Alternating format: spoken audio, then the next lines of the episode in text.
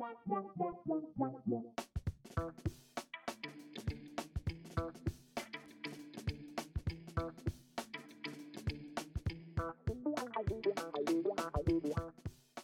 visiem! Um, tā. Pie manis šodien ir cilvēks, kurus ļoti, ļoti, ļoti sen esmu saticis. Un, uh, mums jau te tagad uh, aizgāja pāris sarunas, ļoti interesantas. Un var just to, ka mēs esam jau uz viena viļņa. Uh, tātad tas ir uh, Niks. Čau, Nik! Čau, čau, čau. Tu esi vien, tāds ļoti interesants cilvēks tādā ziņā, ka uh, pirmo reizi, kad uh, es tevi satiku, tas pats, pats, pats pirmais uh, um, impressions man bija, kad oh, man šis čels nepatiks. Damn, okay. Nē, nu, tā kā, uh, es nezinu, tajā laikā, kad uh, es tev pat pašu pirmo reizi, jo uh, tev piemīt tāda šausmīga, tāda intoxicating pozitivitāte pār tevi. Un, zin, kā, un, tad, uh, un par to pozitivitāti tas pirmais, uh, ir īpaši skeptiskam cilvēkam, tas pirmais uh, uh, iespējas ir ļoti skeptisks. Mm. Zini, kā viņš feiko vai Fake, kaut pozitīvs, Jā, jā, jā. laimīgs. Jā, jā, tieši tā. Bet tad, ejot uz priekšu, es ievēroju to, ka es nepazaudēšu to pozitivitāti. Mm. Un, uh, ir, uh, tas man uh, ļoti, ļoti lika tevi cienīt. Un, uh, starp citu, mēs jā, ar uh, Niku iepazināmies podkāstā Go Beyondā, un, un, un mēs bijām vienā grupā. Bet, um, tā tad, Nika. Um, man liekas, eh, tu esi gājis ļoti interesantu ceļu, un uh, tu varētu pastāstīt, ko tu šobrīd dari. Uh, nu šobrīd es uh, nodarbojos ar klientu piesaisti aģentūrā, kas saucas NJ Media. Veiksmīgākā klientu piesaistes aģentūra Latvijā, protams. Um, nu jā, un uh, tas viss būtībā sākās ar to, kad es satiku nenormāli krūtu cilvēku, arī, kas bija kā, nu, kā riktīgi, nu, riktīgs piemērs manā dzīvē, kas man likās nu, vienkārši iedvesmo man ne, nu, nenormāli nu, kā, mainīties arī pašam. Man liekas, ka uh, tie cilvēki, kas mainās, ir tie, kas satiek tādus cilvēkus. vai? Jā, jā kas vai nu nonāk situācijā, kad ir rīktīgi kaut kas traks dzīvē notiek, un tu saproti, ka nav citu variantu. Mm. Vai arī tu nonāc situācijā, kad tu skaties, wow, kā, tas ir tas, kur es gribu būt. Tā kā ieraugi mm -hmm. kaut kādu super labu Tie ierauga to piemēru. Jā. Jā, jā, un tu redz, ka tas ir reāli. Un tu redz, ka tas cilvēks, vai, vai nu jā, sanāk pārsvarā tas cilvēks, man liekas, ka viņš arī ir cilvēks, viņš ir parasts un palielināt to ar neko neatšķiries, bet tiem rezultāti ir tādi, ka tā kā desmit tiks tas, kas tev ir, un tu zini, ka, ok, mēs esam kind of līdzīgi, kāpēc ne, es, nu, tā kā man nebūtu tur. Tā, -hmm. jū. Un, un, un, uh, bet es atceros to, ka uh, tu sāki ar uh, grafisko dizainu, vai ne? Mm -hmm. Jā. Un es atceros to, ka tā, tā, tas bija tāds rītīgs tāds, uh, dzinols, un ka tā ir tā lieta, ko tu, te, ko tu vēlējies darīt. Tu vēl projām to dari arī NJ Media, vai uh, tas ir tā kā blakus palicis? Nē, tas bija, tā bija tāda lieta, ar kuru es sāku. Tāpēc, kad es atceros, ka es tikko pabeidzu tehnikumu, un es sapratu, ka tas, ko es mācos, nu, galīgi nu, man neinteresē, man nepatīk. Un tad es domāju, ka okay, atradīšu darbu, kas ir 9 līdz 6. Un pēc sešiem es varu atslēgties no tā darba, lai es varētu atrast savu hobiju un lietu, kas man īsti patīk. Un es varu pilnībā nodoties tajā lietā pēc darba. Un tā kā nu, laika gaitā to pārvērst par karjeru. Un, um, nu, jā, es atceros, ka tas viss sākās ar to, kad es aizgāju uz mākslas muzeju. Es skatījos gleznas, un bija gleznas, kas bija super skaisti uzzīmētas. un Tu redz, ka tur ir super daudz laika un māksliniekam rītīgs talants. Un viņas maksā um, nu, salīdzinoši lēti, bet neviens viņas nepērk. Un tad ir gleznas un zīmējumi, kur izskatās pēc pilnīgākās figūras. Viņi nu, izstāsta, tā, ka cilvēks vispār nav centies, un viņas maksā desmit reizes dārgāk, un viņas ir sold, tā kā pārdotas. Es domāju, ok, tā kā es arī varētu tādu uzzīmēt, man prosti jāiemācās labi pārdot. Un es varu kā, nu, kā, ar to nodarboties un vienkārši zīmēt, ko es gribu, un kā, daudz pelnīt. Un tas bija, tā bija tā lieta, kad es iedomājos, ok, um, ja man būtu tāds dzīves stils, es būtu vienkārši pārlaimīgs. Un tas kā, iedeva man tādu virzienu, ka devai es tagad turēšos pie šī tik ilgi, kamēr pie maniem neatnāks kaut kas tāds, kas manī kā, iedegs vairāk. Un tā un tā aizsākās tas, tas, tā, tas mākslas virziens. Un tad sapratu, es sāku researchot, sapratu, ar mākslu nav tik vienkārši. Un tad es domāju, okay, kas ir nākamais, tuvākais, kā es varētu iet tajā virzienā. Un es atradu, ka tas ir kā dizains, grafiskais. Tā. Bet te- tev tā vai. Es ļoti cienu tevi tādā ziņā, ka um, tev uh, nevis bija tā doma, es iešu tagad uz universitāti mācīties grafisko dizainu, bet tev bija tāda, vai es pats to darīšu. Es pats iemācīšos, pats meklēšu, un tu arī to darīji. Un tev, Mm, un, un, un tev bija rītīgi uguns par to visu, cik es atceros. Un, jā. um, tas, tas viens jautājums, kas man vēl projām ir, un arī tajā laikā bija, um, kā, kas bija tas tavs motivators? Kāpē, k- kā tu sevi motivē un kā tu kā sevi attur no izdegšanas? Jo ne tikai ar, piemēram, ar to dizainu, ko tu darīji, eh, es atvainojos, ka tas tev pārtrauc. Mm, Mm. Ne tikai ar to dizainu, bet arī ar sportu. Tu ļoti aktīvi ar sportu nodarbojies. un Tad vienkārši tas viens no tiem cilvēkiem, kas randomā iziet kaut kādā svētdienā, ziemas vidū, noskrien 100 km. Nu, tā kā, eh, es, es dažreiz apbrīnoju, jā, tādā ziņā, kā, kā tu sevi motivē, vai tev ir kaut kāda spēlīte, ko tu savā galvā spēlē, kas Mm. pats tevi motivē. Mm, nu jā, uh, viena lieta ir karjera, otra lieta ir tas sports un tās side aktivitātes. Un um, ar ko lai sāk? Nu, ar, ar, ar karjeru un ar to mākslu un, un naudas lietām ir vairāk bijis tas, ka, okay, kāda ir alternatīva. Es no 9 līdz 6 visu dzīvi gribu darīt to, kas man nepatīk. Vai es esmu gatavs vismaz stundu dienā veltīt, piesaisties, fokusēties uz to, kas man tiešām patīk, lai es ilgtermiņā varētu to izveidot kā par karjeru. Un tad man liekas, ok, tas ir godīgs sacrifice, kad es katru dienu veltu vismaz vienu stundu dienā, kas nav nemaz tik daudz. Un es atceros, man sākumā arī likās, ka ok, man jāatrod lieta, par kuru es esmu nereāli passionate, un tikai tad viss aizies. Un tā es divus gadus gaidīju, neko nesagaidīju, un domāju, fuck, virsā, tā kā slikti ir.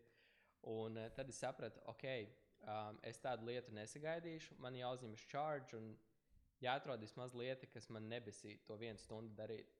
Un, uh, nu, tas bija tas dizains, kad nu, es vienkārši komitojos katru dienu veltīt vismaz vienu stundu, jo tas, nu, tas ieguldījums likās salīdzinoši neliels ar tām sāpēm, kas būtu, ja es atjē, atjēgtos tur pēc 10, 15 gadiem, kad es daru 9 līdz 6, to, kas man nepatīk, piespiedu kārtā. Tā. Tad uh, tu aizņēmies spēku no nākotnes pēc idejas. Jū, nu, kāda ir alternatīva? Vai Jā. es īsti gribu tur būt?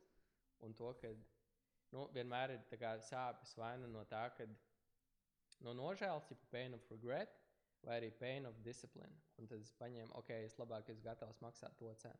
Mm -hmm. Tā. Jā, bet, jā. bet sports ir ci- sports ir citiem, sports ir citiem, tipa side aktivitātes. jā kāpēc? kāpēc? Kāpēc tu vienkārši izēj ārā un, un, un uh, noskrien 100 km uh, va- ziemas vidū? Pastāst, kā, kā tev gāja vispār ar šiem 100 km? Bija rīktīgi grūti, kā tu vari iedomāties. Bija reāli žoska. Un, um, ko es, es arī nesakoju laika ziņām līdzi, neskatos tālāk, baigi. Un es godīgi nezināju, tā dienā bija kaut kāda sniega vētra un uh, dzeltenā trauksme izsludināta. Bet bija, es visiem draugiem biju izstāstījis, ka tā dienā es eju un es to izdarīšu. Un tad bija tāds, ok, man nav atpakaļ ceļš, jo nu, ko es visiem teikšu pēc tam. Un, um, nu, jā, par, par to keisu tur bija tā interesanti, kad uh, es kaut kur dzirdēju no viena, nu, es skatos UFC, un es dzirdēju no viena cīkstoņa intervijā, kad nu, tā kā pasaulē viens no grandiem, lielākajiem, viņš teica, ka pirms katras cīņas pāris dienas viņš iet uz bāru, nodzerās draugiem, un uh, ķipa, ja viņš gadījumā zaudēs, tad viņam būs attaisnojums, ķipa, uz ko to uzvaldīt. Ģipa, kad viņš, viņš dzēra, un viņš baigi necentās. Un tā. Un te, viņš teica, ka tas noņem viņam visu spiedienu, kad jābūt rezultātam, un tad viņam parasti arī labāk sanāk, un viņš parasti uzvar. Un ar to skriešanu bija kinda līdzīgi, kad no vienas puses uzliku atbildību, kad es visiem pastāstīju pirms tam, kad es to izdarīšu. No otras puses, es pagājušajā vakarā arī man draugs uzaicināja, es aizgāju uz, pasākumu, es bišķiņu iedzēru, pa daudz nekā vajadzētu. Un uh, beigās viņi sāka rolot jointus, un es domāju, ok, ķipa, kāpēc ne? Bišķiņu, bišķiņu uzpīpēšu arī. Un beigās es biju mājās super pavēlu, bija piedzēries, bija uzpīpējis. Es zinu, ka tas nav lab labākais piemērs, bet uh, jā, tas noņēma to spiedienu, un es tāpat piecēlos tajā laikā, kad vajadzēja. Un, uh, es gāju skriet bez spiediena, jo tagad man ir attaisnojums, ko pateikt, ja nu gadījumā man nesanāk. Un, un tas bija viens no key faktoriem, kāpēc beigās arī sanāca. Um, kas bija pats grūtākais par to pašu skriešanu, skriešanas laikā? Kurā mirklī tev bija tāds, ok, varbūt, varbūt beidzam? Patiesībā jau gandrīz pašā sākumā. bija tā, ka mums bija sarunāts ar manu draugu Niku arī, kad viņš arī piedalīsies skriet. Un beigās no rīta pieceļos, un es skatos, viņš trijos naktī ir uzrakstījis, Niku, es laikam nepiedalīšos rītdien, tāpēc, ka nu, es viņam pa vēlu aizgāju gulēt. Es, es domāju, ok, tas ir viens mīnus. Otrs, es nevarēju atrast austiņas, lai klausītos kaut ko, un man likās, ok, tas ir nākamais. Un tad trešais bija tad, kad es kaut kādā desmitajā kilometrā ieskrēju vietā, kur es visu laiku skrienu pa kupinām, pa sniegu, jo, jo es skrēju bez, nu, es nebiju izzīmējis to ceļu. Un es piecus kilometrus skrēju vienkārši pa sniegu, man kājas visas lapis ir, un es nonāku strupceļā, kur nevar izskriet ārā, un man 5 km tieši tāpat jāskrien atpakaļ. Un tam man bija tāds bišķiņ breaking points. Es domāju, ok, tikai 20 ir noskrieti, es varētu tā kā padoties. Jo, bet, man, bet man nebija nekāda plāna tajā dienā, un es domāju, ok, jāturpina. Tāpēc, ka nu, kalendārā nebija nekas cits ielikts. Tā. Vai vēl vienu kilometru? Jū. Jā. Jā. Um, Jā. Um, jā, jo es arī esmu pieredzējis to, ka nu, es arī daru kaut kādus skriešanas challenges. Tur, piemēram, mm. uh, pagājušajā gadā, nu, es pagājušajā gadā aprīlī un šogad martā atkal mēģināju, kad es uh, no mēneša sākuma līdz mēneša beigām katru dienu pielieku vienu kilometru. Yeah. Un, uh, un, un, un tad jau ap kaut kādu. Nu, Desmito dienu, desmito, vienpadsmito, divpadsmito dienu jau sāc skriet divas un trīs reizes dienā. Es tu starp citu pusmaratonu noskrēju, ne? Arī. Jā, es esmu noskrējis pusmaratonu, bet. Uh, Tas ir achievements. Nu, jā, nu, tad, tad, es, es, es ļoti gribu arī pilnmaratonu noskriet. Mm -hmm. Bet uh, es esmu sapratis to, ka uh, jā, viens ir vienkārši nolemt un to darīt, un arī pastāstīt citiem cilvēkiem, ka tu to darīsi, jo tad mm -hmm. tev ir tā tāds atskaites punkts. Jā. Jo nu, ne visiem viņu vajag, bet es esmu cilvēks, kuram vajag, man vajag kādu, kuram atskaitīties, lai es mm -hmm. izdarītu lietas.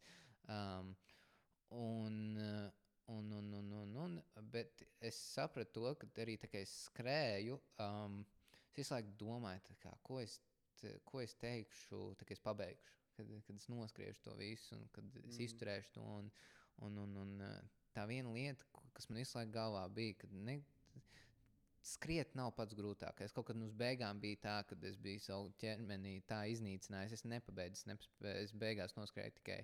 Kop, kopējais ir kaut kādi, sanāk, ja tu katru dienu skrien to plus vienu, tad ir kaut kādi 460 km pa visu mēnesi.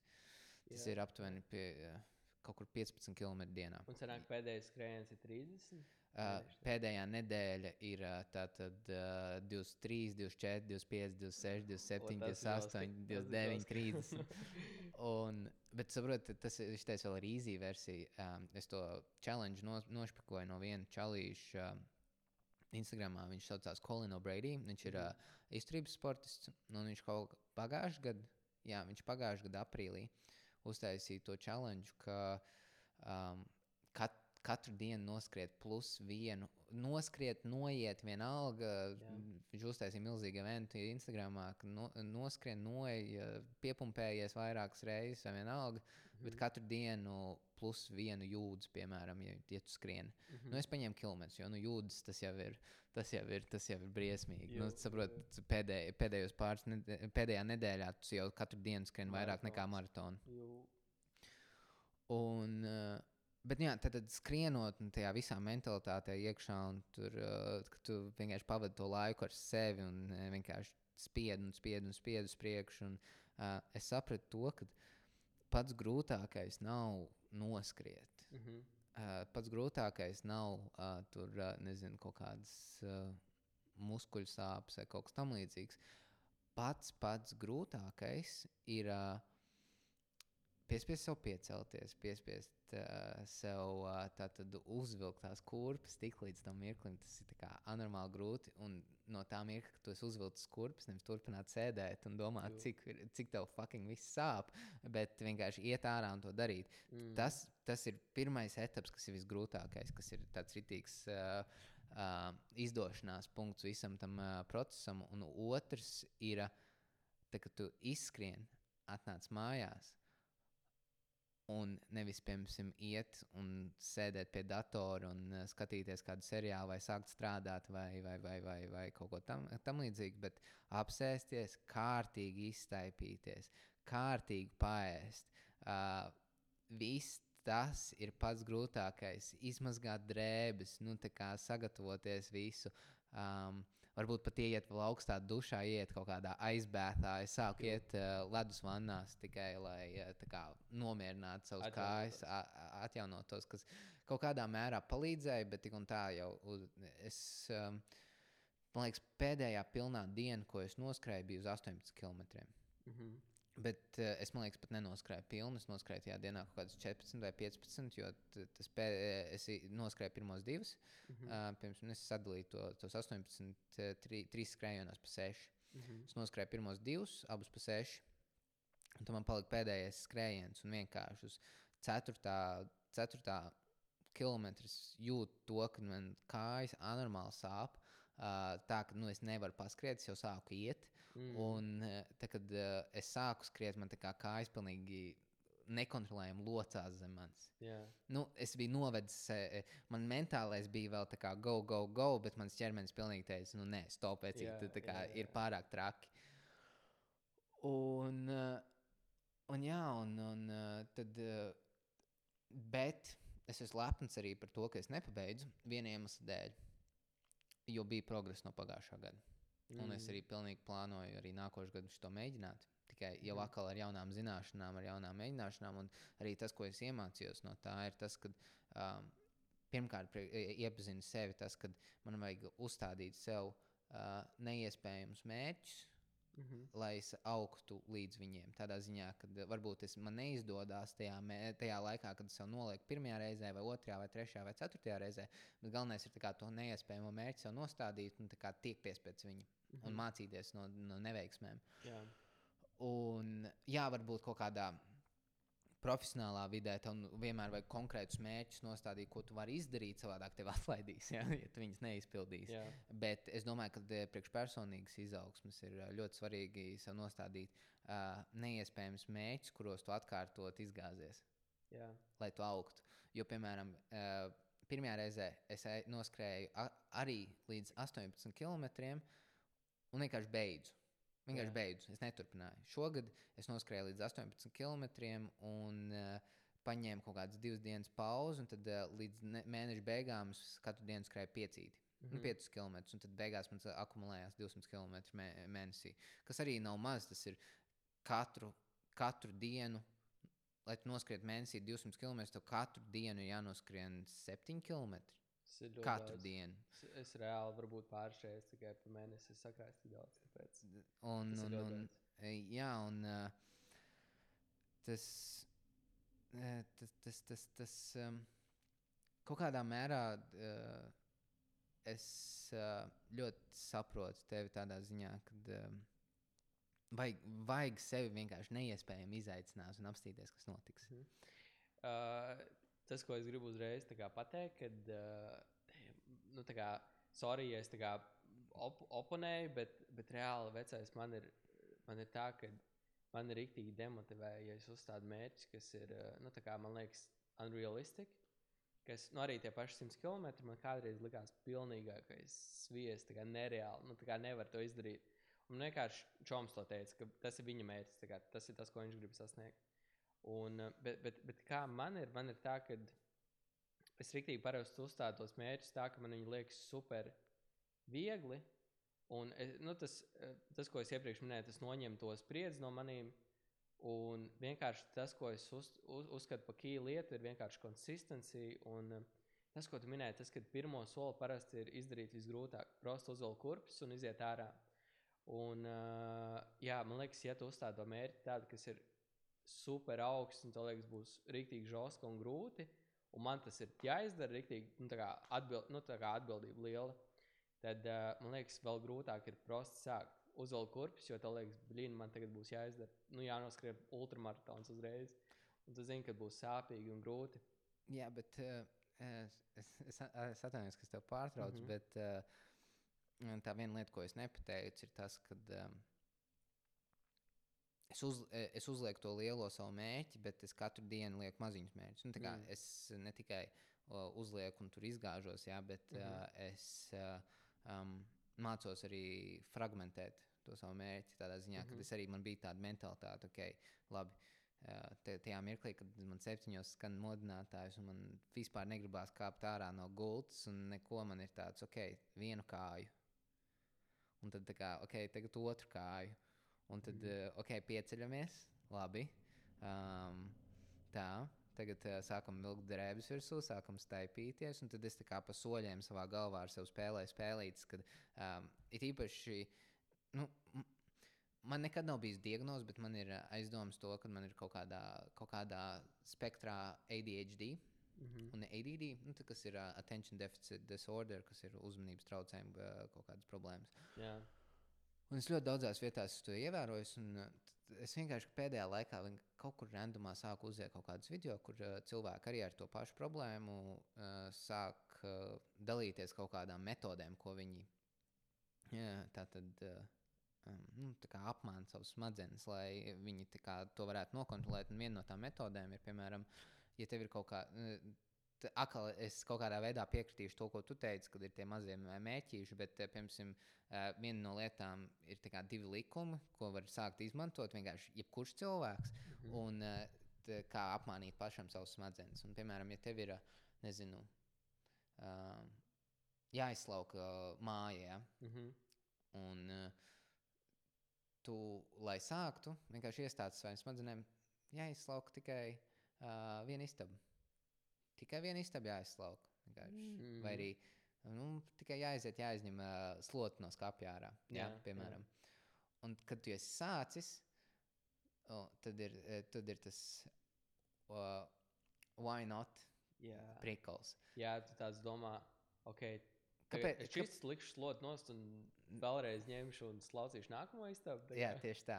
Vai Jā. atlikšu tos kaut kādā vēlāk, un tad tev vienkārši tu ie, iestāsti, tev, kāpēc gan neizslaucīt arī šito istabu. Exactly. Kāpēc neizslaucīt to, kāpēc nenoslaucīt virtuves tur leti vai kaut ko tam Jā. līdzīgu. Un tad, un tad tas viss aiziet uz priekšu. Bet pats grūtākais ir, ir, ir ar sevi. Um, Lai arī tas ir tā ļoti viegli uz papīra izklausās, sev apmānīt, tas tā ir grūti. Mm. Un tev ir reāli jācenšas līdz tam. Jā, jā. Bet, um, nu jā, un tad, at, atgriežoties uh, par tevi runājot, tad um, um, tev nav izglītības. Tu esi viens no tiem cilvēkiem, kas, uh, kas ka, kam, uh, kam man uh, viens labs draugs pateica, ka ir cil šīs planētas ir cilvēki, kuriem vajag izglītību, un ir cilvēki, kuriem nevajag izglītību. Mm -hmm. Um, un uh, tajā pašā mirklī es arī apzinos to, ka izglītība uh, nāk dažādos veidos. Vienam tā nāk caur pieredzi, otram tas nāk no, caur, caur grāmatām un caur, caur, caur uh, urpšanu galvā un, un visu to. Um, tad, tad uh, tu esi īstenībā diezgan daudz sasniedzis ar savu dzīvi. Nu, īpaši tas, ka tu diezgan lab, labā pozīcijā esi šobrīd NJ Media, kas ir viens no augošiem. Uh, o, Tas sanāk, uh, kome- marketinga koman- uh, kompānijām, kas ir NJ Media īsti. Ziniet, kā mēs, mums patīk teikt, ka mēs neesam mārketinga aģentūra, mēs esam klientu piesaistes uzņēmums. Tāpēc, ka nu, mārketings asociējās tur kaut kur reklāmas uz banerīša, tur daudz cilvēku redz, bet nu, tā reklāma ir vienkārši smukuma pēc, un, un tu nevari izmērīt to rezultātu. Mums, mums patīk visu fokusu likt uz to, ka mēs darām tikai tos soļus, kas ir ietekmē klientu piesaisti. Konkrēti, kad redzi, atnāk viens klients, divi, trīs, vai desmit, vai simts. Un visu, visas darbības, kas ir ārpus tā, mēs tā nedarām. Un mēs sakām klientam, mēs to nedarīsim. Tā kā mēs novelkam to robežu. Ja viņš tur saka, man tur gribās smukāku sociālo mediju kontu, vai man gribās smuku vizuālu, vai ko, mēs sakām, nē, ja tas neietekmē rezu- rezultātu, mēs to nedarām. Tā. -hmm. Un, un, un uh, tā, tā nav vieglākā vieta, kur tikt, un tā nav vieglākā vieta, gan jau kur arī strādāt. Um, un, un, un te, pēc idejas tā visa tava pozīcija tajā vietā bija tas, ka tu tā tad. Uh, satika Niku diezgan agrā viņa attīstības posmā. Un, um, es gribēju kaut kādā mērā uzzināt, kas bija tie tavi um, veiksmes, kaut kāda likuma, kaut kādas lietas, ko tu ievēroji, kas tev ir palīdzējis nonākt līdz tam mirklim, kur tu esi šobrīd. Uh, nu jā, vien, viens ir tas, ko es minēju par to vienu stundu, ko es esmu gatavs iedot katru dienu, lai pietuvinātos tam, kas man šķisti patīk un interesē. Tas bija viens. Un otrs, man liekas, kas ir lielākais, ir tas, ka tu pastāvīgi pavadi laiku ar cilvēkiem, kas, um, kas nenormāli te motivē, ka tu redz, ka viņi dara lietas, kuras um, tu arī gribētu darīt. Un viņi uzstāda mērķus, kurus tu arī gribētu sasniegt, bet varbūt tu netici, ka tu to vari vēl izdarīt. Un, ja tu pietiekoši ilgi esi apkārt tādiem cilvēkiem un vāries tajā sulā, tad tu lēnām sāc noticēt. Tu lēnām pa vienai dienai, pa vienu solīti dari, tu skrien tos 5 km vai 10, un tad tu pamani, ok, es varu 12, es varu 15, es varu 20. Un tas viss nāk ar laiku, un tev rīktīgi jā, tā, nu, jābūt pacietīgam pret sevi. Bet, bet tāds, tā, tāda lielākā lieta, man liekas, ir cilvēki apkārt. Ja tu redz, ka viņi dara tās lietas, un tu saproti, tu ar viņiem ikdienā pavadot laiku, tu saproti, ok, viņi ir tie paši cilvēki, nav ar neko savādāki. Um, kāpēc es to nevarētu? Tev sāk parādīties tā doma. Un tad, tad tu sāc uzstādīt līdzīgus mērķus, sāc darīt līdzīgas darbības automātiski. automātiski. Un tas man liekas, tas lielākais key faktors man liekas bijis. Jo kaut kādā mērā te, es zinu, kā tas ir, jo es esmu līdzīgā draugu kompānijā. Un, un, un uh, arī Golbjondā to var ievērot, jo ir tā, ka uh, um, šīs. Uh, uh, sociālās kaut kādas nu, draudzības un, un, un tie visi sociālās kopienas, kurā tu atrodies. Jo um, augstāka ranka ir tātad, uh, nu, tie cilvēki, kas ir tajā sociālajā burbulī, uh, jo ir kaut kādas, kā, ir, ir, varbūt tas uh, ju, uh, izklausīsies neiecietīgi, vai varbūt kādam nepareizi vai aizskroši, bet ir kaut kādi likumi, kas tev liek tur noturēties un būt funkcionāls tās, eh, tā sociālā burbulīša um, tātad, uh, biedram. -hmm. Tāpēc, kāpēc, kāpēc piemēram, miljonāri tusē tikai ar miljonāriem? Tāpēc, ka nu, viņi, tātad, viņiem ir kaut kādas kopīgas intereses, viņiem ir kaut kāda kopīga panākuma, viņi viens uz otru kā, um, iedvesmojās viens no mm otra, un, un, un tas, tas viss ir. Un tad tas requirements ir tas, ka. Uh, ne jau tas, ka tev ir tie miljoni, bet tas, ka tu to dari. Jo bieži vien arī ir tādās kompānijās cilvēki, kuriem varbūt nav tie miljoni, bet viņi dara kaut, kaut ko, kas viņi ir. Jo, Jā, you know? Jā un, un man liekas, nereāli lieta arī tas, ka um, ir, ir tas egoistiskais aspekts vienmēr, un kā, to nevar izslēgt. Mēs katrs domājam primāri par sevi, kāds man labums no tā, tā kā, ko es no tā dabūšu.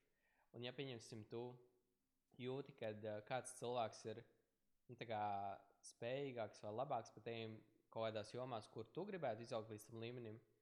Un tu saproti, ka tev ir jābūt apkārtam cilvēkam, lai mācītos un uzsūktu, un nu, tuvotos arī tam. Tev ir rīktīgi jādomā, okay, kā es tam cilvēkam varu būt noderīgs, kāpēc viņš maniem pavadītu laiku. Jo nu, viņš arī ir cilvēks, kurš domā par sevi, par savu labumu, un tev ir jādomā, okay, nu, kā es viņam varu patikt, kā es varu viņam nodrošināt kaut kādu vērtību, lai, lai mēs nu, tusētu kopā. Nu, tā kā paņemt viens no otra kaut ko. Bet nu, nevajag arī to pasniegt tik uh, sociopātiski, ka tu aprēķini, kā būt tiem cilvēkiem. Jā, kā, nu, jā, protams, tad, tad, tur arī ir jābūt kaut kādam dabīgam aspektam, ka nu, kā, tu nevari tikai ar tiem panākumiem uh, izveidot to draudzību, bet tur ir jābūt tai dabīgajai ķīmijai.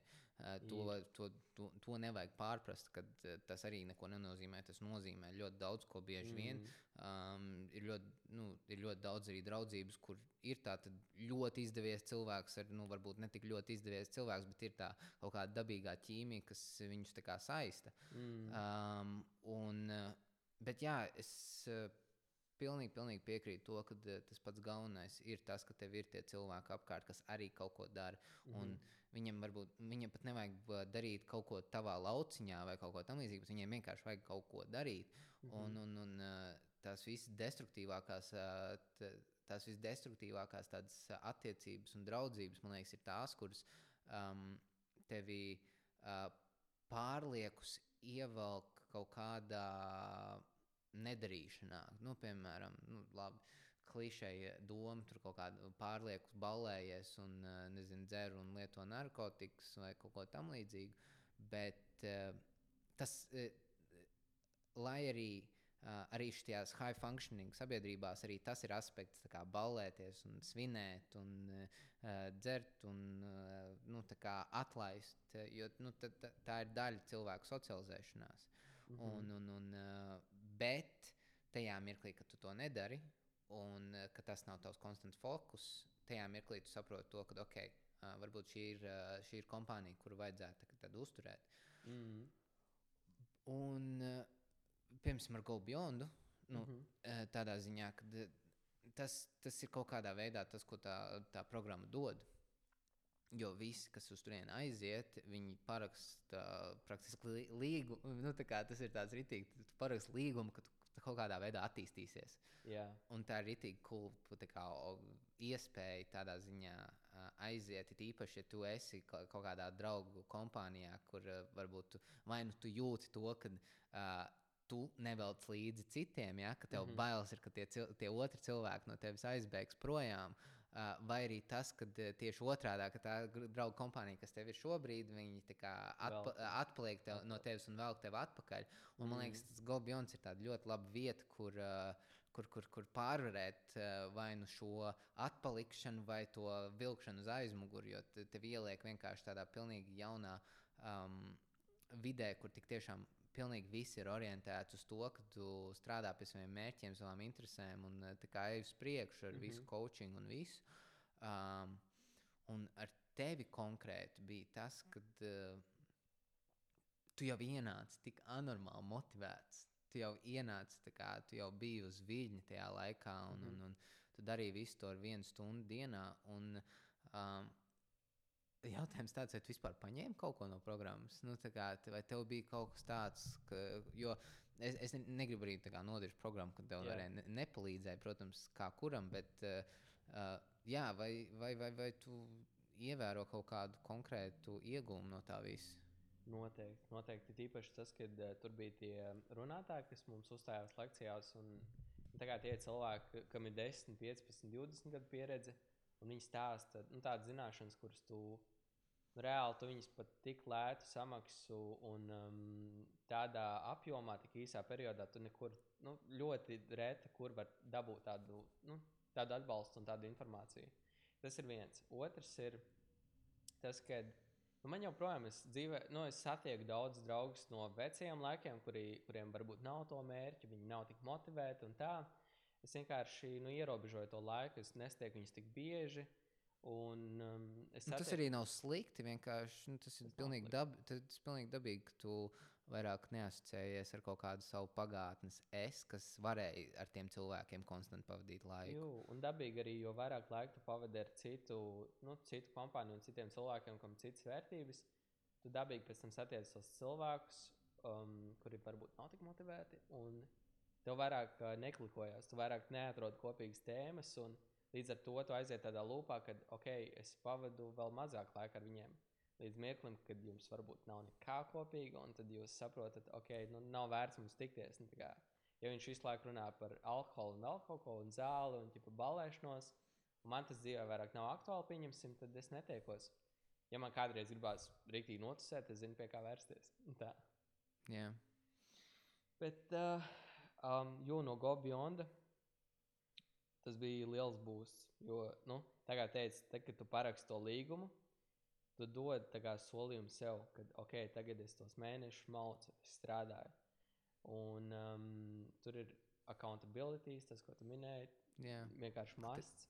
Kā arī es... tu parakstīji, tu materiāli investējies tajā visā, un tas tev dod tādu zinulu to pabeigt. Jo ir tagad, uh, bija kaut kāda doma, kaut nu, konstanti viņi jau virmo apkārt uh, ap uh, organizēšanas komandu, kad varbūt vajadzētu padarīt uh, bezmaksas skolbionu.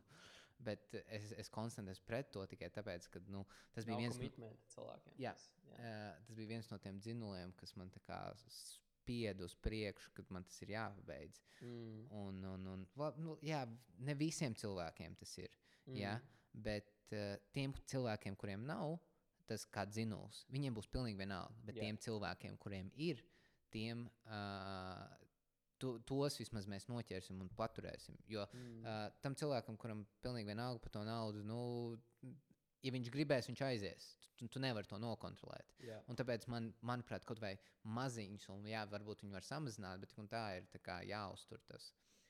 Kā, es, piln, es pilnībā esmu par to, ka um, nu, skaties, ja mēs mēģinām kā visiem dot bez maksas un visiem palīdzēt, un mē, nu, mēs, mēs, gribam, mēs zinām, ka okay, es iepriekš jutos slikti, iepriekš man bija sūdīgāki dzīves apstākļi un viss pārējais. Un es redzu, ka Gobijons man ir izvelcis ārā no tā, un ir nenormāli daudz labāk. Un tu gribi to iedot visiem. Tu gribi kā, um, palīdzēt arī cilvēkiem, kuri šobrīd ir tādā sliktajā pozīcijā, bet viņi nav pieņēmuši lēmumu, ka viņi ir gatavi ieguldīties, maksāt naudu un darīt paši. Un, um, tu gribi viņiem to nodot. Nu, kā kā ķipa radīt viņiem to vēlmi. Un man rīktīgi ir tāda ticība, ka, ja cilvēks pats nav nonācis pie secinājuma, ka man to vajag, un es gribu mainīties, un es gribu mācīties, tu nevari viņam iedot un iemācīt to, ko viņš pats nav izlēmis nu, mācīties vai paņemt. Un tāpēc mums NGMīdī tieši tas pats ir, ka, ja klients pieņemsim samaksā to tūkstoti vai divus vai trīs, un beigās mēs pasakām nosacījumus, ok, šī ir daļa, kur mēs izdarām, un šī ir daļa, kas tev ir obligāti jāizdara, lai būtu rezultāts. Ja viņš nedara, tas ir pilnīgi ok, ja viņam nav rezultātu, tā ir viņa atbildība. Un, um, un, un mēs parasti sakām, ka cilvēks samaksā vienkārši par maz naudas, viņam nav žēl, viņi izmes miskastē pa lielam. Um, jā, jo, jo tas komitments rodas no tā, ka tu, tu ieguldi kaut kādā veidā, nu, tu iedod savu daļu. Bez tā nekas nenotiek. Tā kā Cilvēkam ir ga jābūt gatavam ieguldīties pašam, pirms viņš ir gatavs kaut ko saņemt. Un, bet arī tā interesantā lieta, kas priekš manis ir tas, ka um, ne visiem tas ieguldījums ir nauda, un ne visiem Jā. tas ieguldījums ir kā, materiāls. Bieži vien cilvēkiem, nu, um, kā man viens bijušais priekšnieks teica, to, kad, uh, um, kāpēc viņš ap, apprecēja savu sievu. Jā.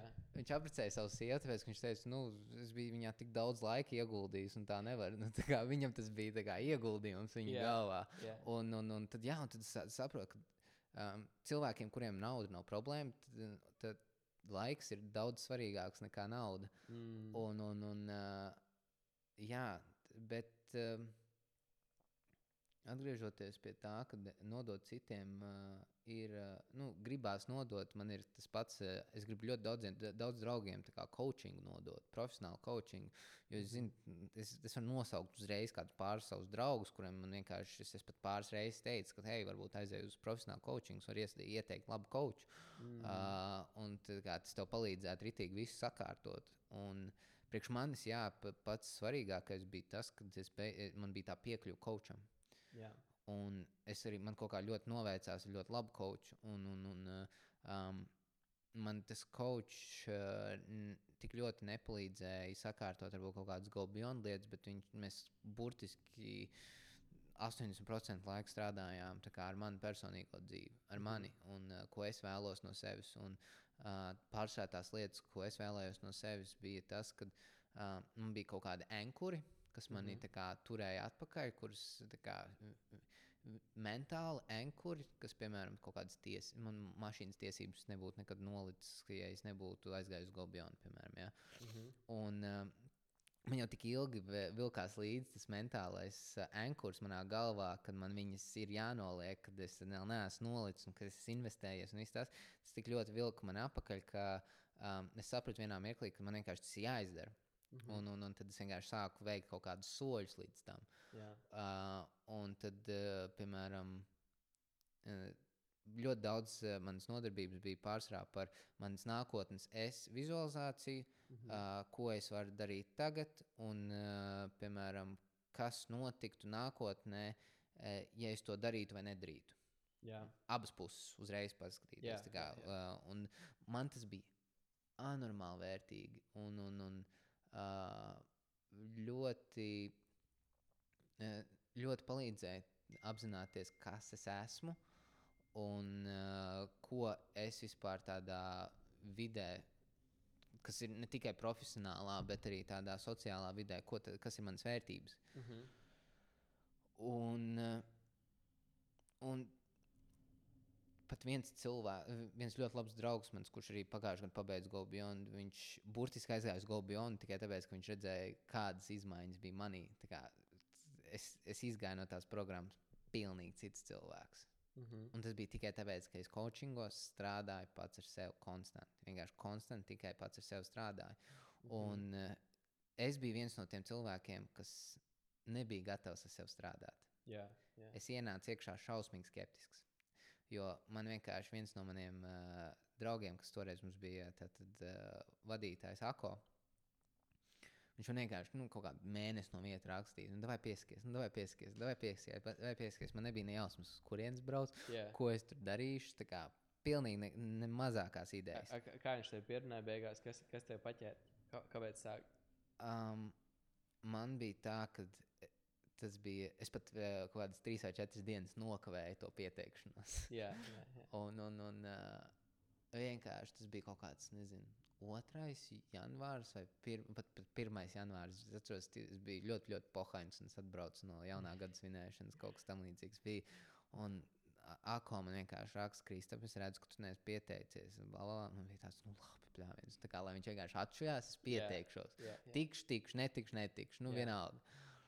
Un uh, es kaut kā baigi vienkārši tiku cauri visai tai uh, atlases uh, atlases lietai. Un, un, un, uh, un vienkārši mēs aizbraucam uz to uh, četru dienu semināru, pirmo daļu, un tad es ieraugu tevi, un tu jau man pakaļ desī. Tas Okay. bija viens. Jā. uz kurienes es atbraucu. Fuck, Jā, jā, un es ar tādu mentalitāti nācu tajā visā iekšā un burtiski vienkārši kaut kādas pirmās pāris lekcijas man jau bija tāds wow! wow! Un, uh, um, uh, tur es kā beidzot man bija iespēja izlikt ārā visu, kas manī iekšā dzīvoja. Mhm. Jo um, man pirms tam tā mana personāža, tas mans tēls, uh, draugu kompānijā nebija tas čalis, kurš runā tur par dīpu nopietnām lietām. Es biju tas čalis, kurš uh, jokojās un izsaka kaut kādus joks un ierēdz pa sevi un pa citiem un nu, tādas lietas. Jā. Un tad tur mēs atnākam un mums ir visiem iespēja un visi norunājuši to, ka mēs esam atnākuši. Mēs runāsim par kaut kādām, tur nezinu, pašattīstības prikoliem un kaut kādu psiholoģiju, uh, psiholoģiju mentalitāti un, un, un uh, kaut kādus uzdevumus pie risināsim. Tad es ienāku tajā vidē un es vienkārši jūtos kā zivs ūdenī. Mm. Un tas man iedeva tādu rītīgu, un es aizbraucu, braucot mājās ar vilcienu, un es vienkārši rakstu draugiem, tas. Jā, Kur es esmu nonācis? Labs. Un, Bet ā, labā ziņā, jā. Bet, tā kā, jā, ļoti, ļoti, ļoti labā ziņā, un man ļoti iedvesmoja visi tie, tie, visi tie speakeri, kas mums tur bija atnākuši. Arī jā, tieši to pašu, ko tas, uh, tu pieminēji iepriekš, ka par tādu summu un uh, tādā kvalitātē, nu, uh, ar tik uh, tādā veidā patīkamu vidi ir grūti atrast kaut ko citu. Mm.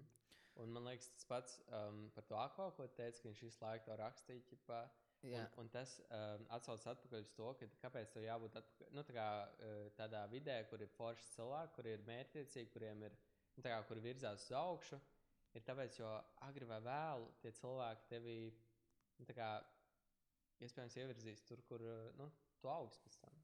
Jā, pil labāk. jā, pilnīgi noteikti. Un, uh, man liekas, arī ļoti liels tāds plus tam visam ir tas, ka tu iepazīsti to, to draugu kompāniju. Un ir ļoti patīkami zināt to, ka, uh, ja varbūt jūs neattīstāties vienā, vienos virzienos, tad tik un tā ir tas rītīgi dziļais uh, connections ar to cilvēku, ka tu vari vienkārši viņam uzzvanīt un vienkārši tā kā es ar tevi vienkārši devu vai atnācu uz podkāstu. Mm. Un tu dari īstenībā diezgan nu, tādas iespaidīgas lietas, un tu dari lielas lietas, un tu esi diezgan augstu nonācis un uh, labā pozīcijā. Un, uh, bet ir nereāli forši tas, ka mēs varam vienkārši satikties un vienkārši parunāt. Jū.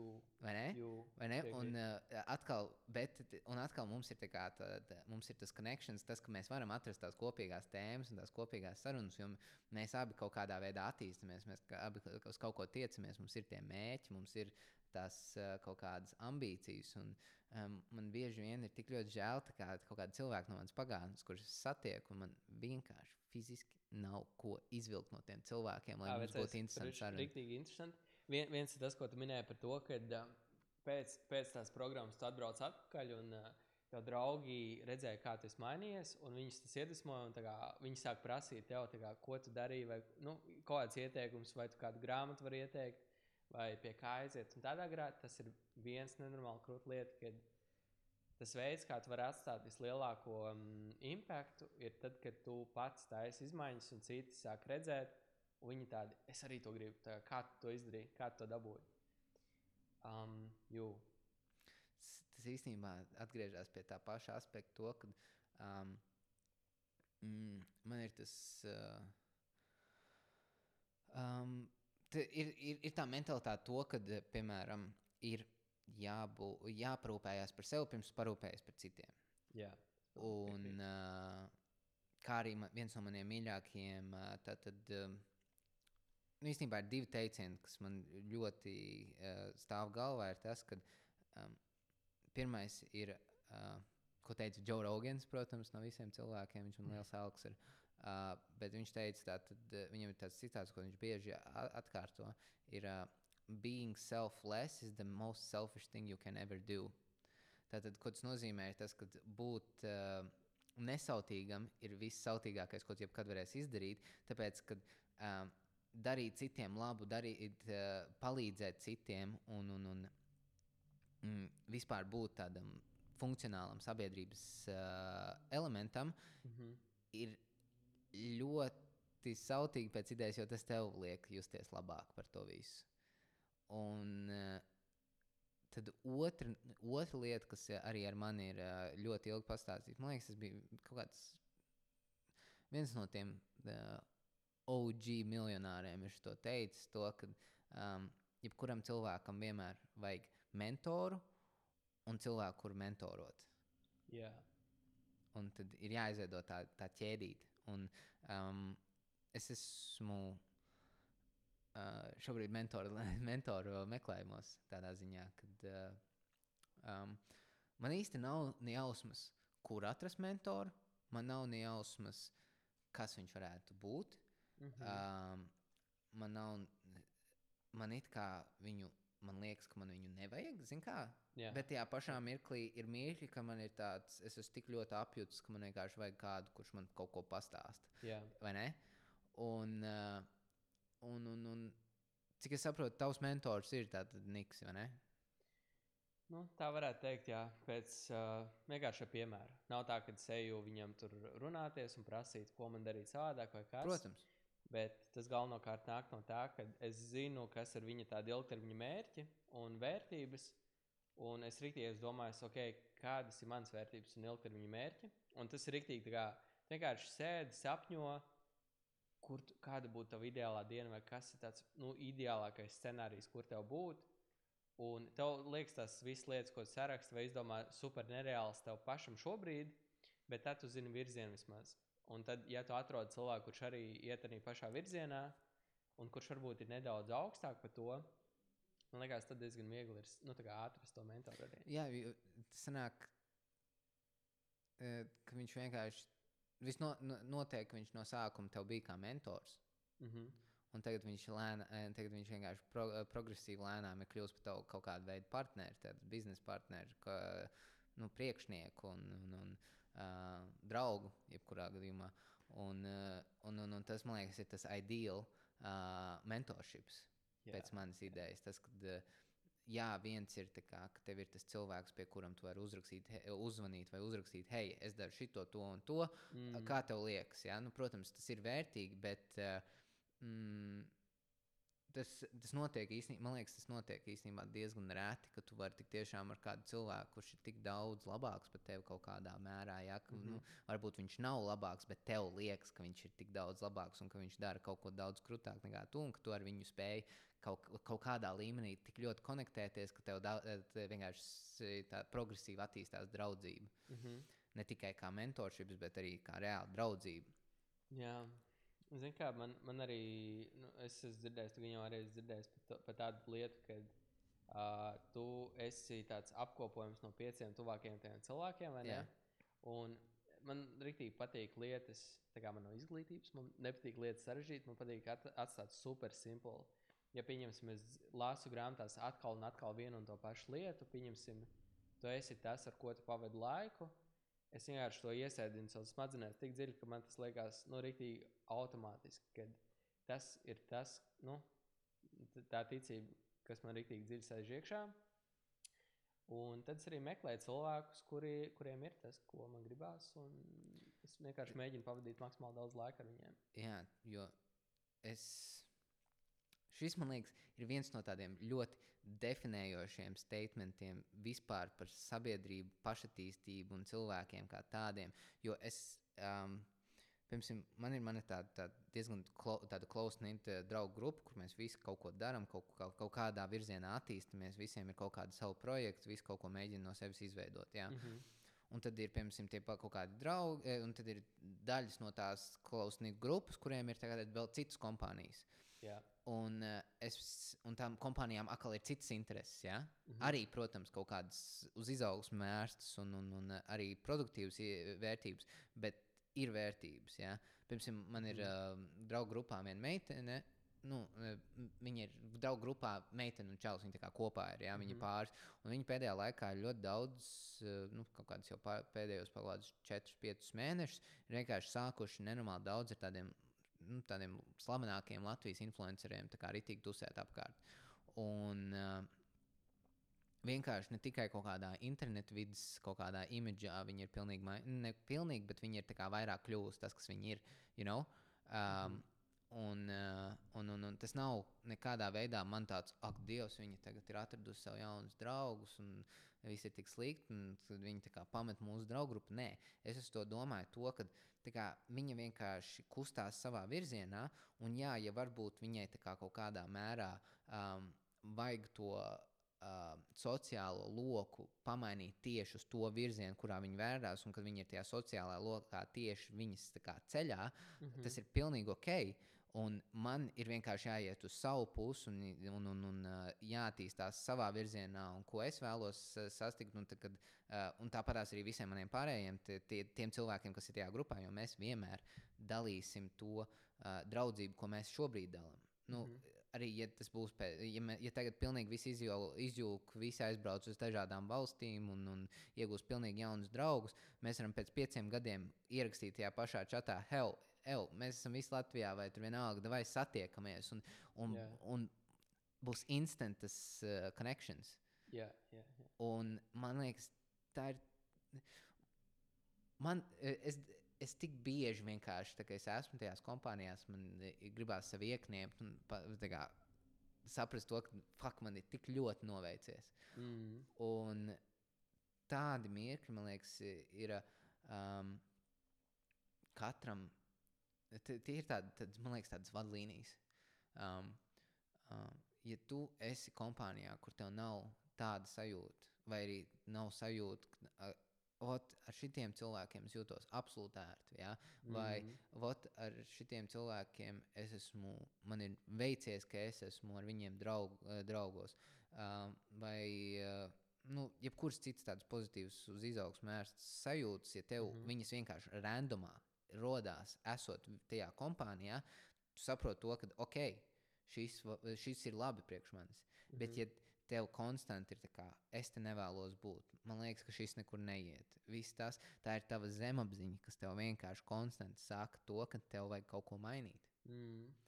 Un, uh, tas ir tas, ko es arī vēlos nodot uh, ne tikai um, kaut kādiem saviem paziņām vai podkāstu klausītājiem, ir tas, ka uh, visas izmaiņas, uh, viņas, ta, uh, tevi, viņas dzīvo tev iekšā. Un vai tu viņās klaus, klausies vai nē, tas ir tas jautājums. Un, kā ir, tā, kā, es nesen dzirdēju nenormāli kru, krūtu šo te kaut kādu tādu skatu punktu uz rīcībām. Ka jebkuram cilvēkam ir četras sekundes, četras sekundes, pilnīgas, simtprocentīgas iespēja, simtprocentīgi iespēja kaut ko mainīt savā dzīvē. Tajā pašā mirklī. Pē, tātad četras sekundes pēc uh, izmaiņas idejas kā, ienākšanas tavā prātā. 4 sekundes. Un jo ilgāk pēc tam 4 sekundēm dari, jo mazāk iespējamība ir, ka tu to darīsi, un tev būs vairāk iespējamība to, ka tavs, tavs prāts tev atrunās no tā. Mm. Un tur man liekas, vispār uh, mainīt lietas tagadnē, tas ir anormāli grūti. Anormāli grūti, kad padomā par to. Mm. Izmaiņas, kas ir kaut kādus kilometrus priekšā, ir, nu, nu, viņas ir kilometriem tālu, un tu par viņām nedomājies. Jā. Bet tagad tu ej pa ielu un uh, nezinu, redzi plasmas pudeli uz ielas izmest, tu viņu ievēro, tu saproti, ka tā ir problēma. Tu, zi, tu apzinājies to, ka tu viņu paceltu, uh, tu kaut ko izmainītu, ja, tu tur, uh, bet paiet tās četras sekundes, vai tu pāri bišķī pārāk tālu un tu to neizdari. Mm, un man jā. liekas, tāpat tās ir ar ļoti daudzām rīcībām savā dzīvē um, un, un, un pašattīstībā. Tā kā tā. Zini, kā tie ir tās divas lietas, man liekas, ka viens ir nu, tas, ko tu minēji, ka tās ir 4 sekundes, un tās tavas sajūtas, tas ir tas, kas tev nāk no zemapziņas, kā tu jūties par to. Un um, otrs ir tas loģiskais prāts, kad tur prāts sāk spēlēt spēlītas, izdomāt visādas attaisnojumus, kāpēc tev nevajag to darīt. Un man liekas, tas ir nenormāli key arī uzticēties savām sajūtām.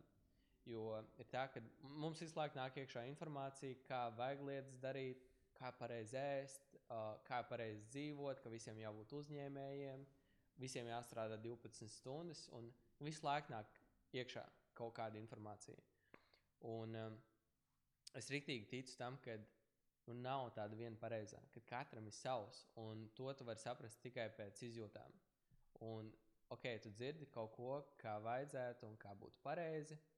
Ok, paņem, pamēģini, ja tu nejūti, Nu, kā, varbūt tas nav tavs. Mēģini nākamo, mēģini savādāk.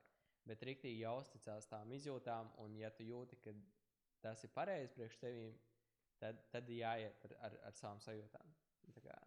Uh, man ir pilnīgi perfekts piemērs priekš šīs tāda pie, priekš tava, tava kaut kāda izskaidrojuma. Mm -hmm. Ir tas, ka um, arī, piemēram, um, tu nevari. Uh, ja tev ir kaut kāds tāds cilvēks, kuram tu tātad uh, look up to jā, tavā dzīvē, ka, kurš tev ir kaut kādā veidā elks, vai tas ir tas pats cilvēks, kas tev ir kā tavs, tavs piemērs, ka, ok, es gribu arī to darīt, vai tas ir iespējams. Jā? Jā. Um, uh, man liekas, ļoti liela kļūda, ko arī es kaut kādā mērā, es kaut kādos mirkļos savā dzīvē arī, man liekas, jau šobrīd to pieļauju, um, ir tas, ka um, es mēģinu replicēt to, ko tas otrs cilvēks ir izdarījis. Mm. Un, uh, man liekas, tā ir kļūda, tas, ka uh, tu ne, ne, nekad nevarēsi replicēt to pašu ceļu, ko tas otrs cilvēks līdz tam ir darījis, bet mm. tu vari ņemt kaut kādus key uh, mentalitātes un kaut kādas uh, domas un kaut kādus uh, darbības, ko viņi dara ikdienā, lai mm. tu varētu kaut kādu savu. Savu to gējumu, savu spēli pacelt uz nākošo līmeni. You know? mm -hmm. un, uh, jo man, piemēram, ir tā, ka nu, man ir tad, tas viens cilvēks manā dzīvē, kurš, uh, kurš man liekas, ka nu, ir vienkārši nereāli krūts. Un, Kur, kurš un, un, ir? Kurš ir? Um, man ir viens uh, labs draugs, Rudolfs. Un, Mhm. nu, viņš, uh, viņš ir ļoti, ļoti pacēlēs uh, visādos uh, tātad, uh, kriptosfērā. Jā. Un, nu, viņš ļoti, ļoti, ļoti labi šobrīd uh, to pelna, bet tas nav tas, tas, tas, tas, nav tas kas man tā kā ir tāds, ok, jā, es gribu to darīt. Nē, Jā, tas nav jā. tas, ko uh, tas nav, es saprotu, ka tas nebūs nekad mans ceļš, bet es uh, esmu no viņa mācījies uh, mentalitātes, un, un, un viņš man ir devis peptalks un, un, un uh, palīdzējis kaut kādā mentālā, ziņā man kaut ko sakārtot, un ir devis eh, padomus. Un, un, un, un, me, uh, tas ir. Um, Tas ir ļoti daudzos aspektos manā dzīvē, man ir palīdzējis. Un uh, kaut kādā mirklī es uh, uh, ievēroju to, ka es sāku viņu neapzināti kopēt. Mm. Neapzināti, pilnīgi neapzināti. Jā. Un līdz kaut, kādā, līdz kaut kādam mirklim tas bija labi. Jā, līdz kaut kādam mirklim tas bija labi. Bet mm. uh, tagad kaut kādu, nu, es teiktu, pēdējo mēnešu laikā tas jau ir kā, uh, aizgājis uz to pusi, kad um, es um, sāku, es nezinu, jā, es, es, mei, es savā galvā mēģinu imitēt to viņa ceļu, Mm -hmm. un es saprotu, to, ka tas nestrādā. Un Jā. tagad, un tagad man ir, tie- es esmu tieši tajā mirklī savā dzīvē, kur man ir tā tāds refocus. Tāds, kad, ok, uh, es tā kā pamēģināju šo veidu, tas strādāja priekš viņa, Mm -hmm. priekš manis šis nestrādā. Jā, Un tagad man vajag tā kā pagriezt savu fokusu uz citu pusi. Un tas, nu, es, es nekaunos par to, ja ka es tur kopēju kādu citu cilvēku. Man, man ir, nu, es apzinos to, ka uh, tāpat kā katram ir savs ceļš, uh, mans kaut, kād, kaut kāds posms, mana ceļa bija kopēt kaut kādas, uh, kaut kādas šitās rīcības no sava čoma. No Līdz sava drauga. mirklim, Jā, līdz līdz mirklim. mirklim, kad es sapratu, un ir ļoti svarīgi apzināties to mirkli. Tad, kā, ir, ir ļoti viegli pazust tajā otrā cilvēkā. Un bieži vien ir tāda lieta ar cilvēkiem, ka um, tas otrs, es, es esmu pilnīgi pārliecināts, to, ka tas otrs cilvēks, arī tas mans čoms, ir ievērojis to, ka es viņu kopēju kaut kādā veidā. mm Un tad, kad tu ievēro to, kad, un tad, kad tu aizraujies ar to kopēšanu, tas otrs cilvēks zaudē interesi tevī. mm.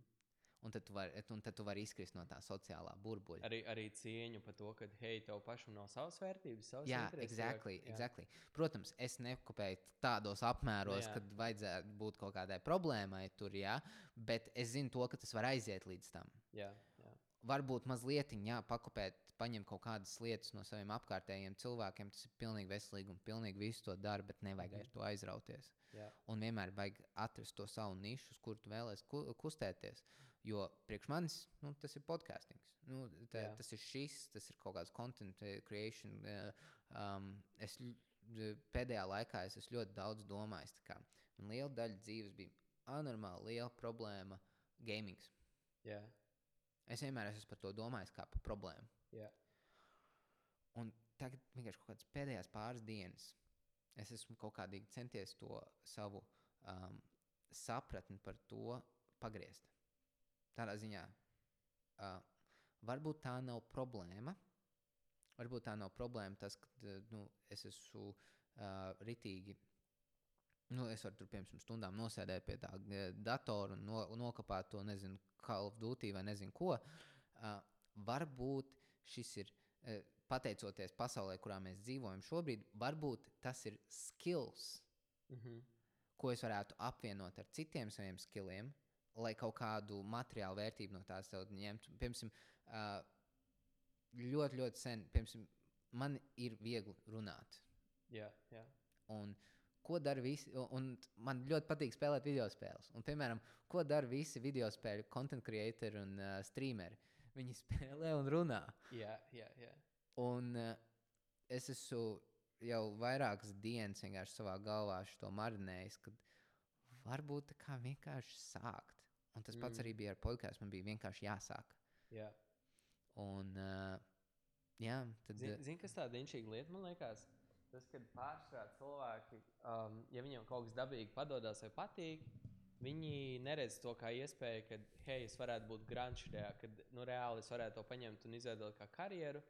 Jo tad, kad tev nāk pārāk viegli un tev bērnībā ir ielikts prātā, nu, vismaz man no senčiem tas, ka strādāt ir grūti, tev ir nu, jāpieliek efforts un tev ir jāatrod tur loģiski jāskatās, kur tu nopelnīsi. Un, nu, tev ir jāsāk ar smadzenēm domāt, nevis uz emocijām iet. ne? Jā, iet uz universitāti, savādāk tu nekur Jā, netiksi. Jā, jā, jā un, un man liekas, um, reāli ļoti daudziem cilvēkiem ir tas, ka viņiem ir lietas, kas viņiem patīk.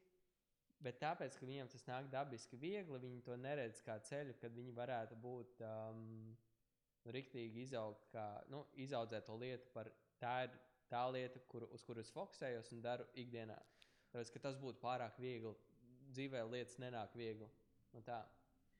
Un, um, nu, Bet, zin, jā, es sapratu to domu un zinu, zinu kur ir tas mirklis, kad, kad viņi izdomā, ka, ah, nē, tas nebūs to, ko es tagad darīšu. Ir tas mirklis, kad, um, jā, tas ir tas prikals, kā piemēram ir um, mm, sportā. Uh, ir vienmēr tas arguments, talants pret smagu darbu. Un Mhm. smags darbs vienmēr vinnēs, tāpēc ka talants kaut kādā mirklī ir, viņam ir griezti, bet smagam darbam nekad nebūs griezti. Jā. Un man liekas, ka uh, ar šīm vieglajām lietām ir tas mirklis, kad uh, viņiem ir bijis kaut kāds, nu, kaut kāds mirklis, ka viņiem tas ir gājis viegli, ka viņiem progress ir ļoti gājis viegli, tāpēc ka Mhm. viņiem ir kaut kāds dabīgs talants uz to visu. Ja? Jā. Un uh, tad vienā mirklī viņi atg- a- a- atspiežās pret izvēli, Mhm. kur vai nu viņi sāk kļūt nopietni uz to un reāli sākt strādāt ar to, vai turpināt domāt, ka viņi ir vislabākie un ka tie pārējie cilvēki, kas uh, ir labāki par viņiem, nevis ir labāki, bet, nu, tur, piemēram, daudz talantīgāki. Jā, jā, jā.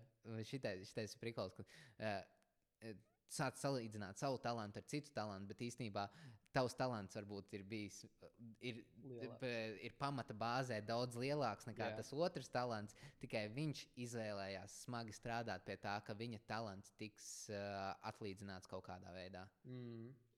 Uh, Šī ir tā lieta, kas ir interesanta. Es arī daudz esmu dzirdējis par to, ka cilvēki pārstrādā kaut kādās jomās, kur viņi ir rīktīgi slikti pa dzīvi, un viņiem dēļ tās jomas, ka viņi ir slikti, sagādā lielas sāpes. Viņi speciāli no, nu, pēkšņi to lietu sāk redzēt, ok, tā ir nopietna problēma. Tāpēc man nopietni jāķerās klāt, un jāieliek laiks, un jāstrādā, un jāmēģina viņu atrisināt, jo lielas sāpes ir. Un bieži vien tie cilvēki, kas ir slikti sākumā, vai viņiem nu, nepadodas kaut kāda lieta, viņi tāpēc, ka viņi vienā mirklī dēļ tām sāpēm pieņem lēmumu, visi ši- pie tā strādāšu, viņi kļūst nenormāli labi tajā lietā. Kas ir kā piemērs, pieņemsim cilvēku, kas ir, pieņemsim, sākuma skolā bijuši neglīti vai kas, un eh, vai, vai kāds viņus ir apsmējis par kaut ko. Viņi nākotnē nenormāli izceļas tajā jomā. Viņi pēkšņi kļūst par Instagram modeli, modeliem un modeļiem, vai um, viņi rīktīgi kompensē to trūkumu, kas bija bērnībā. Tāpēc, ka viņi vienā mirklī izlēma, ka šis ir tas, ko es nopietni darīšu. Bet tas nav viņiem bijis nekāds, viņiem nav bijis nekāda advantage tajā lietā. Un man liekas, nenormāli po, nu, powerful un spēcīgi ir tad, kad uh, tu sajēdz to, ka, ok, šī jomā man ir talants, man tas padodas viegli. Plus vēl tu apvieno ar to work ethic un, un to, ka es ielikšu laiku un es katru dienu darīšu, neskatoties uz to, vai man gribās vai nē, vai kāds labāks vai nav. Un, man liekas, tā ir visstiprākā kombinācija.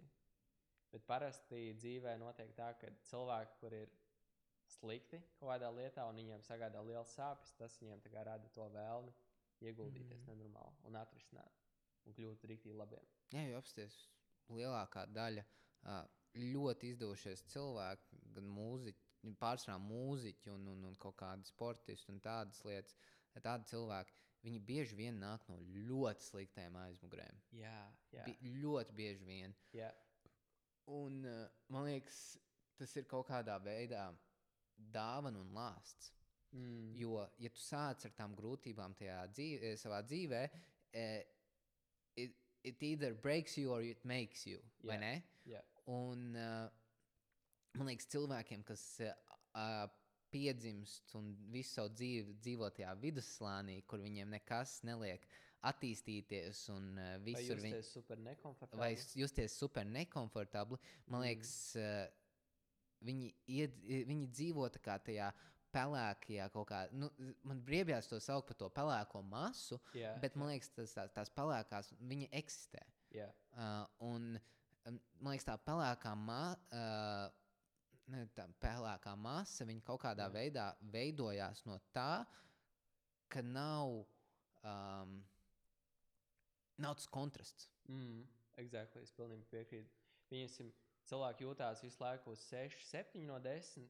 Ķipā varētu būt labāk, bet nav nemaz tik slikti. Tāpēc es neesmu gatavs darīt nu, vairāk, un uh, malkt vairāk un lauzt sevi. Um, jo es pilnībā piekrītu. Un priekš manis es personīgi speciāli sev ielieku kaut kādos īstenībā diezgan stresainos mirkļos, ja, yeah. ka man kaut kas nepietiek, ka yeah. kaut kas nu, nav pietiekami, ka kaut ko, kaut ko vajag vēl. Yeah.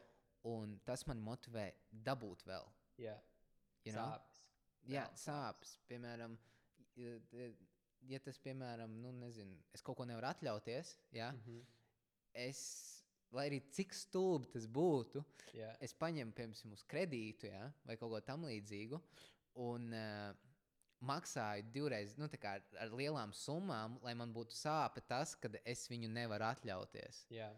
Un tas man motivē vairāk un vairāk saņemt to atalgojumu. Tikai tāpēc, nu, labi, lietas nav tas pats labākais, uz ko motivēties. Protams, uh, kaut kādā mirklī tās lietas paliek par daudz, un tu vairāk viņas tik ļoti nevēl, jo es to pilnīgi saprotu, ka tā ir. Tas bet, ir ok, tā ir daļa no, no visas dzīves. Jā, bet svarīgi ir. Jā, un, bet es esmu priecīgs to, ka es jau tagad, kad man nav uh, lieli ienākumi un viss tas, varbūt nu, tik lieli, cik es vēlētos. Varbūt man mm. ir ok, priekš, priekš pelēkās maksas, bet man nepietiek. Yeah. Un es neesmu apmierināts ar to, ka man nepietiek. Yeah. Un es cenšos. Atkal tās sāpes. Jā, tā, tevi... atkal tās sāpes. Atkal tā ir sāpe, kad es nezinu, es tur nevaru, kad es vēlos aiziet aliņu paņemt bārā. Ja? Man ir jādomā. Jā, jādomā, man ir jādomā, okay, cik, vai es varu to atļauties, vai es varu mm. vēl vienu paņemt, ja? un tādas lietas. Un uh, es domāju, ka jā, tas ir. Uh, uh, man liekas, ir jābūt baigā balansētam visam. Uh, jo arī teikt, ka nē, neņem kredītus, krāj naudu, līdz tu to vari atļauties, arī nav līdz galam pareizi. Mm. Jo, jā, viens ir kā, labi, iekrāt naudu, tā ir disciplīna. Tu ietrenē mm. savu disciplīnu. Jā. Jā. Bet um, ir daudz labāki veidi, kā tērēt to iekrāto naudu, nekā vienkārši nopērkot lietu. Mm. Un tad atkal ir tā mentalitāte, ka, kā tu viņu pamaini. Jo, piemēram, uh, tu vari krāt centu pie centa līdz 500 eiro un nopirkt to iPhone. Ja? Jā. Vai tu vari iekrāt 100 eiro, ielikt veiksmīgi stock marketā vai kripto marketā, un, mm -hmm. pēc, uh, un pēc divām dienām tev ir 500 eiro. Jā. Un, uh, Tas ir vienkārši tā kā. Jā, e, arī liela, liela, liela daļa tādai uh, pelēkās masas mentalitātei ir tas, ka neviens pat nesāk saprast, kā strādā nauda. Viņiem nauda ir kaut kas šausmīgi vienkāršs. Mm. Tā ir tā lieta, ko viņi dabū mēneša beigās no tā darba, ko viņi ir izdarījuši, un viņiem tagad, viņi tagad šo naudu var ņemt un tērēt. Jā? Jā un nekad nesaprotot, kāda ir tā īstā vērtība, pat nesākot apzināties vai aiz, aiz, aiz, ieinteresēties, kā, kā tas vispār strādā, jā, kā jā. strādā pasaule, kā, kā miljonāri pelna naudu, un visu to neviens pat neaizdomājas. Bet, bet, man liekas, tas atsaucas atpakaļ uz to, ka vienkārši viņam tā nav pietiekoši liela sāpe vēl. Ja, ja viņam vienā mirklī, tagad saka, ja viņš pēkšņi viņš paņem kredītus, um, viņš nevar pēkšņi nomaksāt, viņam ir iespēja vai nu dzīvot uz hujovāku dzīvokli un sliktāku rajonu un nomaini, pārdot savu mašīnu, viņam, kuru viņš nereāli mīl. Tad viņam tās būs milzīgas sāpes, un viņam vajadzēs atrast veidu, kā pelnīt vairāk. Līdz... Vai tas viņu pilnīgi salauzīs? Vai tas salauzīs? Jā, tur arī ir tāds viens vai otrs. Un uh, tas, kas man liekas nenormāli svarīgs, ir bijis arī nu, uh, man, manā dzīvē saistībā ar naudu, vai sportu, vai vienalga ko ir uh, izveidot to mindsetu, ka sāpes ir labas. Kad, jo zemāk tu kritīsi, jo augstāk tu gribēsi kā, kāpt. Nu, kā, un patstāvīgi kā, likt sevi pozīcijās, kur, kur tev rodas sāpes. Uzņemties darbus, kurus tu neesi kvalificēts darīt, un apsolīt cilvēkam lietas, kuras tu neesi kvalificēts izpildīt, lai tu būtu spiests to izdarīt. Kā, vai arī alternatīva ir tas, ka cilvēki, nu, kā tev būs sāpes, otrs variants, ja tu neizpildīsi, tev būs sāpes par to, ka cilvēki teiks, ka tu esi rītīgs lūzers. tev tur nesnāk, tu solījumus velti dod un tādā garā. Un redz, ka tās sāpes ir lielākas nekā sāpes katru dienu atveltīt to stundu vai divas. Un tā kā nolikt sevi tādā pozīcijā. Un, tā kā, tas man liekas, ka ir. Man liekas, mēs beigās forši esam tagad at, ap, ap, apgājuši apli par to stundu, stundu dienā, kā, kā pašā sākumā sāki, kas ir uh, tas, kas aizsāka tavu, tavu, tavu karjeru. Mm -hmm. Un, uh, tā, vai tu vēlēsies sevi kaut kādā veidā noreklamēt? Kur tev atrast? Vai tu, tu man liekas, neesi īpaši tāds sociālo mediju cilvēks, reklamētājs? Nē, baigi nē. Es, um, es izvairos no sociālajiem mēdījiem pārsvarā, bet uh, Facebookā Niks staro. Viss saistībā ar klientu piesaisti. Ja ir kādi jautājumi, tad kā obligāti rakstiet. Man, man tas ir passions, un es esmu priecīgs atbildēt uz jautājumiem. Man nenormāli gandrīz, ka cilvēki jautā. Un tā kā redz man kā, kā cilvēku, pie kur vērsties tādā jautājumā. Tā. Super cool. Paldies, Nik. Jo, Bija rītīgi forši tev parunāties. Labi. Davai. Čau visiem! Davai, čau!